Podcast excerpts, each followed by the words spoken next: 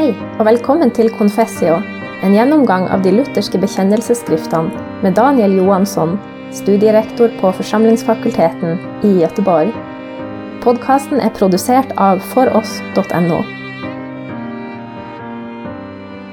Den Augsburgska bekännelsens nionde artikel har vi kommit fram till idag. Det handlar om dopet. För att nu inte de här artiklarna bara ska stå enskilt, liksom sida vid sida, utan att man ska förstå det inre sammanhanget, för det finns liksom en röd tråd som går igenom alla artiklarna. Så vill jag påminna om att när vi gick igenom den sjunde artikeln, den som handlar om kyrkan, så sägs att kyrkan är eh, en församling kring ordet och sakramenten. Ehm, och det sägs vidare att det man behöver vara överens om, det är evangeliets förkunnelse och sakramentens förvaltande och så råder det frihet och många andra ting. Och därför kommer det helt naturligt nu att börja diskutera då sakramenten, så nu några gånger så kommer vi att stanna inför eh, sakrament i den Augsburgska bekännelsen. Vi inleder med att läsa eh, artikeln och för er som har bekännelseskrifterna tillgängliga så finns den här på sidan 59, längst ner på sidan 59. Om dopet lär de att det är nödvändigt till saligheten och att Guds nåd tillbjudes genom dopet samt att barnen bör döpas för att de genom dopet må frambäras till Gud och så upptas i hans nåd. De fördömer vederdöparna som bestrider att barnen blir frälsta genom dopet. Här är det tre positiva saker som läggs fram och sedan så att säga en negativ, ett avvisande. För det första att dopet är nödvändigt för att man ska bli frälst och salig. Det vill säga, det finns inga andra vägar till Gud och in i kyrkan än den väg som Kristus har bestämt, nämligen dopet. Att det sen finns, kan ges undantag för det här. Det kan finnas situationer då det, då det ges undantag. Men poängen är att den här ordningen är bindande för oss. Men Gud är inte bunden av den. Så det var den första punkten. Den andra som tas upp här, det är att, att genom dopet så skänks Guds nåd. Det betyder att dopet är ett nådemedel. Om vi tänker efter vad nådemedel betyder, så betyder det att det är ett medel ett instrument eh, som ger nåd. Det är vad ett nådemedel är. Vi kanske hör den termen så ofta att vi glömmer bort vad det är frågan om. Men det är någonting som ger nåd. Och dopet är ett nåd, eh, är något som ger Guds nåd. Och det betyder att dopet och de övriga sakramenten inte bara är yttre tecken som symboliserar någonting, utan att de verkligen är Eh, är något som bär. De är, vi kan tänka oss som vagnar eller någonting som bär fram Guds nåd. Det betyder att vår evangeliska lära har en positiv inställning till skapelsen, nämligen att det finns skapade ting som kan vara bärare av Guds nåd. Och så tänker till exempel då inte man i reformärt tro. Så här, här går man skilda vägar med, med Zwingli och Calvin och andra av deras efterföljare. Den tredje punkten som kommer här i samma mening, det är att barnen ska döpas eller barnen bör döpas. Eh, det, det är nog en starkare formulering här i, i eh, än, än, vad bör låter för oss, att barnen ska döpas. Eh, och då så säger man att det som hittills är sagt, det gäller också för barnen. Och det innebär att man, man tar avstånd ifrån de som menar att barnen till exempel automatiskt skulle vara medlemmar av Guds rike. Eh, man tar fasta på ett bibelställe som Johannes 3 där Jesus talar med Nikodemus och han säger att man kan inte se Guds rike om man inte blir född på nytt genom vatten och ande. Och det gäller undantagslöst, det gäller alla människor, vuxna såväl som barn. Och sen kommer den sista punkten där man fördömer och den hänvisar tillbaka till punkt 3 eftersom då den här gruppen veddöpare hävdar att barnen inte ska eh, döpas. Eh, den knyter också naturligtvis eh, till punkten 1 att dopet är nödvändigt eh, för saligheten. Och vad gäller den här tre, sista punkten om fördömandet, då så står den här bekännelsen enigt med den gamla medeltida teologin, med, med den romerska, men också med, med Zwingli och, och så småningom med Calvin. För alla avvisade den här gruppen som kallas för anabaptister. Och när det står fördöma så är det här ett väldigt allvarligt ord. Det här är alltså precis samma ord som i artikel 1 har använts om de som inte bekänner treenigheten, eh, till exempel arianerna eller muhammedanerna. Eh, nu drabbas alltså vederdöparna av samma fördömelse. Man ser alltså lika allvarligt på att man förnekar barnen rätt till dopet som att, man, eh, som att någon förnekar treenigheten. Ehm, låt mig då påminna, vilka var de här vederdöparna? Jo, veder kommer från tyskans vider som betyder om, igen. Det betyder alltså de som är omdöpare. Den här gruppen hade uppstått i Schweiz, eh, kring, just kring Zwingli. Men när Svingli inte ville ändra sig vad gällde barndopet så eh, bildade de eget så att säga. Och eh, de genomförde det första omdopet får man säga i kyrkans historia på, på mycket, mycket länge. Man hade väl döpt om i fornkyrkan när någon hade blivit döpt av en präst som man inte ansåg vara, vara rätt och riktig. Men här, här döpte man alltså om vuxna människor som hade blivit döpta i den treenige Gudens namn och man lät då inte heller låta sina barn döpas. Och de här vededöparna de avvisade starkt den här tanken att, att Gud kunde skänka sin nåd med skapade ting, med vatten, med bröd och med vin. Däremot var det väldigt viktigt för dem att det predikas och att, det, att Guds ord lästes och så. Jag tycker det är viktigt att här också säga att 1500-talets döparrörelse, den ska skiljas ifrån eh, de flesta av dagens baptister. Eh, de har egentligen ingenting med vederdöparna på 1500-talet att göra, utan dagens baptism som vi känner till den, den uppstår i England eh, bland puritanerna eh, på 1600-talet. Mm, men det finns anabaptistiska grupper kvar eh, och ni alla kanske känner till Amish-kulturen i USA. De är en sån här gammal anabaptistisk grupp. Även menoniter räkna, eh, räknas dit. Ja, vad tyckte då de påvliga teologerna när de skulle granska den här artikeln? Jo, de eh, gillade den. Så när Melanchthon fortsätter att utveckla artikeln i apologin som kommer senare så eh, säger han att, eh, att eh, ja, det finns inte så mycket att tillägga, motståndarna har gillat den. Men han utvecklar där lite argument för barndopet. Och då så säger han så här till att börja med, att löftet om frälsning, det gäller inte bara vuxna människor, utan det gäller också barnet. Men, går resonemanget vidare, löftet kan ju inte gälla de som står utanför kyrkan eftersom ord och sakrament inte finns där. Vi definierade vad kyrkan var här för några gånger sedan. Det handlade om där ordet och sakramenten är. Och eftersom det är så, resonerar Melanchthon vidare, det är ett logiskt resonemang, eftersom Kristus föder oss på nytt, där hör vi anspelningen på Nikodemus, föder oss på nytt genom ord och sakrament.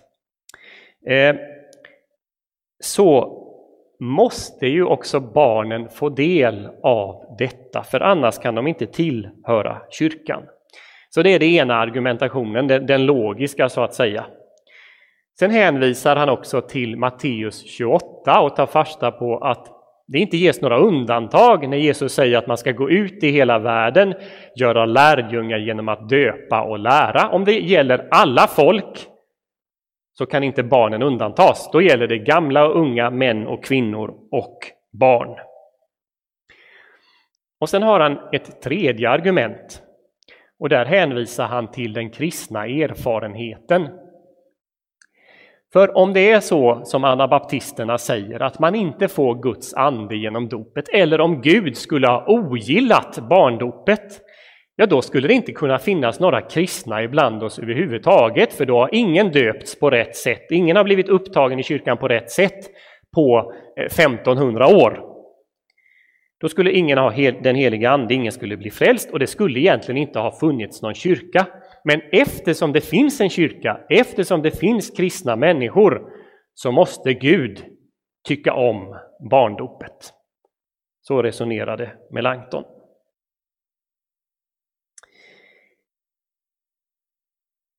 Man kunde tycka att, eh, att man i den Augsburgska bekännelsen skulle kunna ha sagt något mer kritiskt om, om eh, de skolastiska teologernas eh, dopsyn eller påvens dopsyn.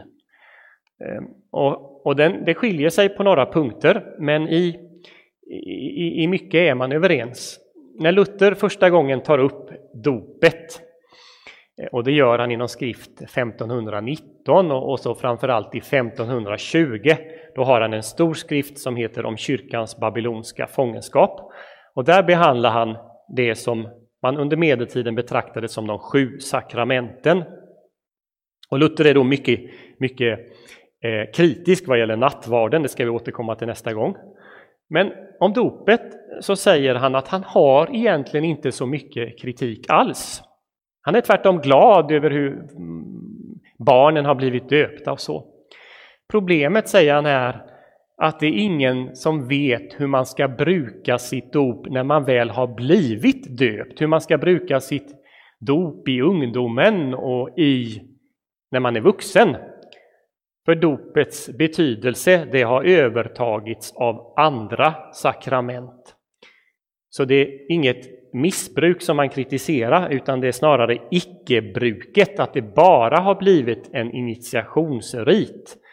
Men om man sen som vuxen faller i synd, då är det inte i första hand på, på sitt dop man tänker, utan då ägnar man sig åt det som kallar botens eh, sakrament.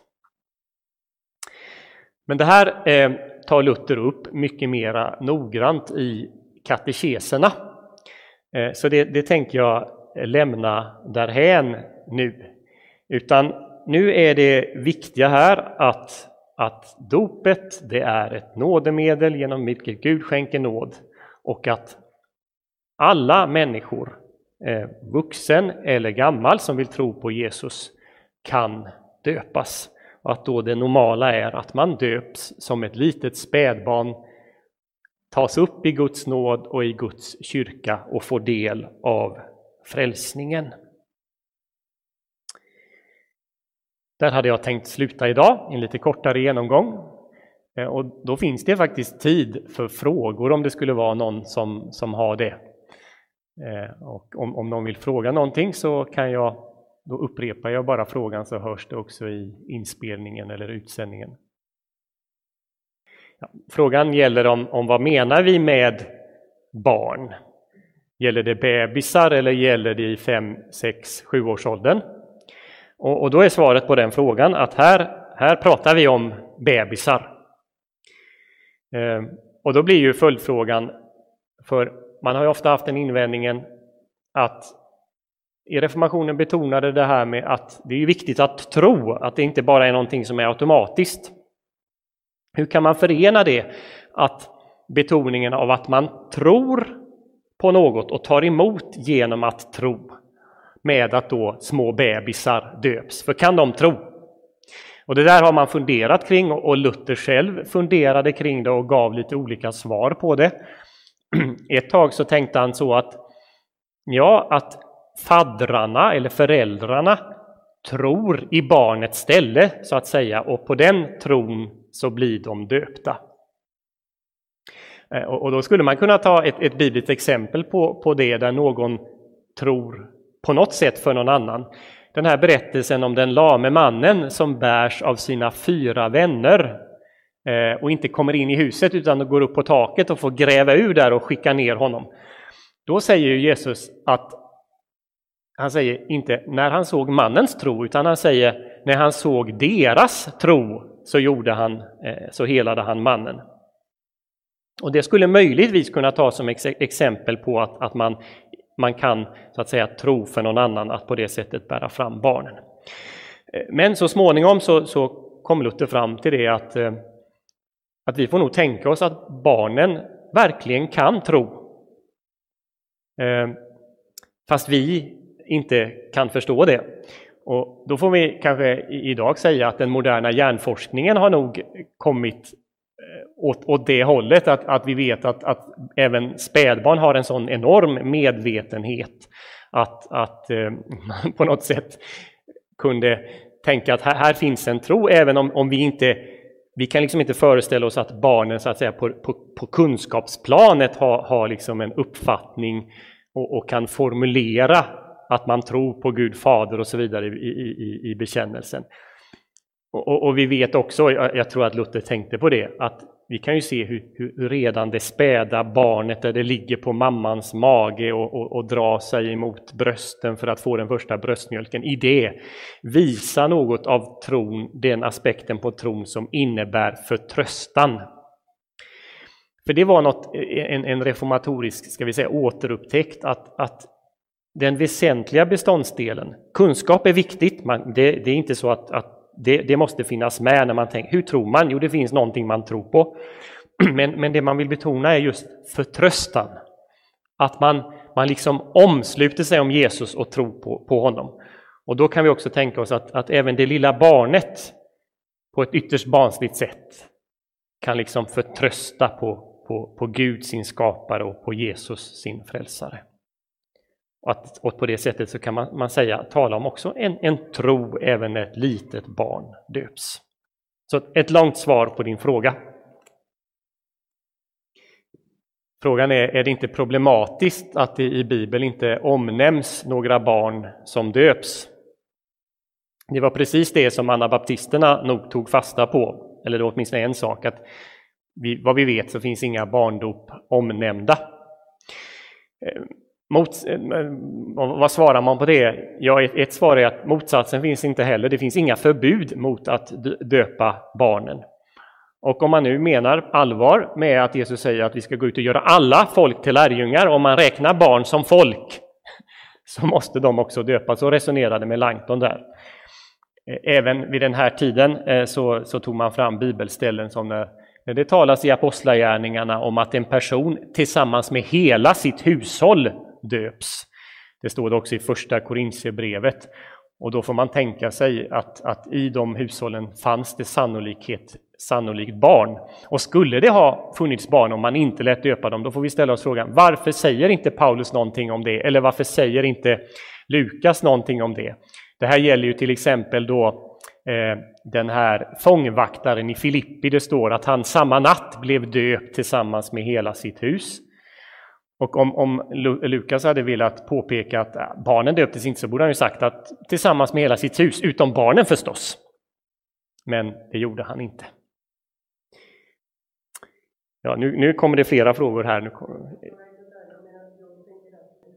Ja, eh, eftersom de första kristna var judar som ju omskar sina barn på den åttonde dagen, åtminstone pojkarna, så varför skulle man då inte ha, ha, ha döpt barnen också? Och det brukar också vara ett argument som anförs, i synnerhet som Paulus faktiskt på ett ställe eh, kopplar ihop omskärelsen med dopet. Vi hinner en sista fråga. Ja, eh, frågan gällde nu här, det var kopplat till donatisterna. Eh, om man nu eh, som tänkte, det har vi gått igenom tidigare, som tänkte att om man blev döpt av en präst som inte hade den rätta tron så var det inget riktigt dop. Men om man istället är i den situationen att man har haft föräldrar som har burit fram en men som inte har trott, hur ska man tänka då? Om vi nu tänker enligt föräldrar, eh, fadderlinjen, så får vi kanske tänka, för det, vi, man brukar utvidga den även till församlingen. Eh, I, I så fall så får vi tänka att det ändå kring det dopet har funnits en församling eh, runt om. Men just det, den typen av invändning kanske ändå leder oss tillbaka att, att på något sätt får vi tänka oss att det ytterst sett så är det Gud själv som verkar detta, mm, detta nådesunder i det lilla spädbarnet som svarar i, i tro. I senare teologi under 1600-1700-talet då, då talade man just om det att, att barnen kom till tro eftersom de inte gjorde motstånd på det sätt som, eh, som vuxna skulle kunna göra. Ja, det var roligt att det blev många frågor idag. Eh, vid nästa tillfälle så ska vi eh, börja om, om nattvarden. Sen kommer nattvarden faktiskt att återkomma för den kommer upp under de så kallade missbruksartiklarna i slutet på den Augsburgska bekännelsen. Men vi slutar där idag. Tack för att du hörde på Confessio. Vi vill gärna tipsa dig om vår egen podcast, For oss-podden. Där finner du inspelningar med många olika talare och teman. Besök oss gärna på foross.no.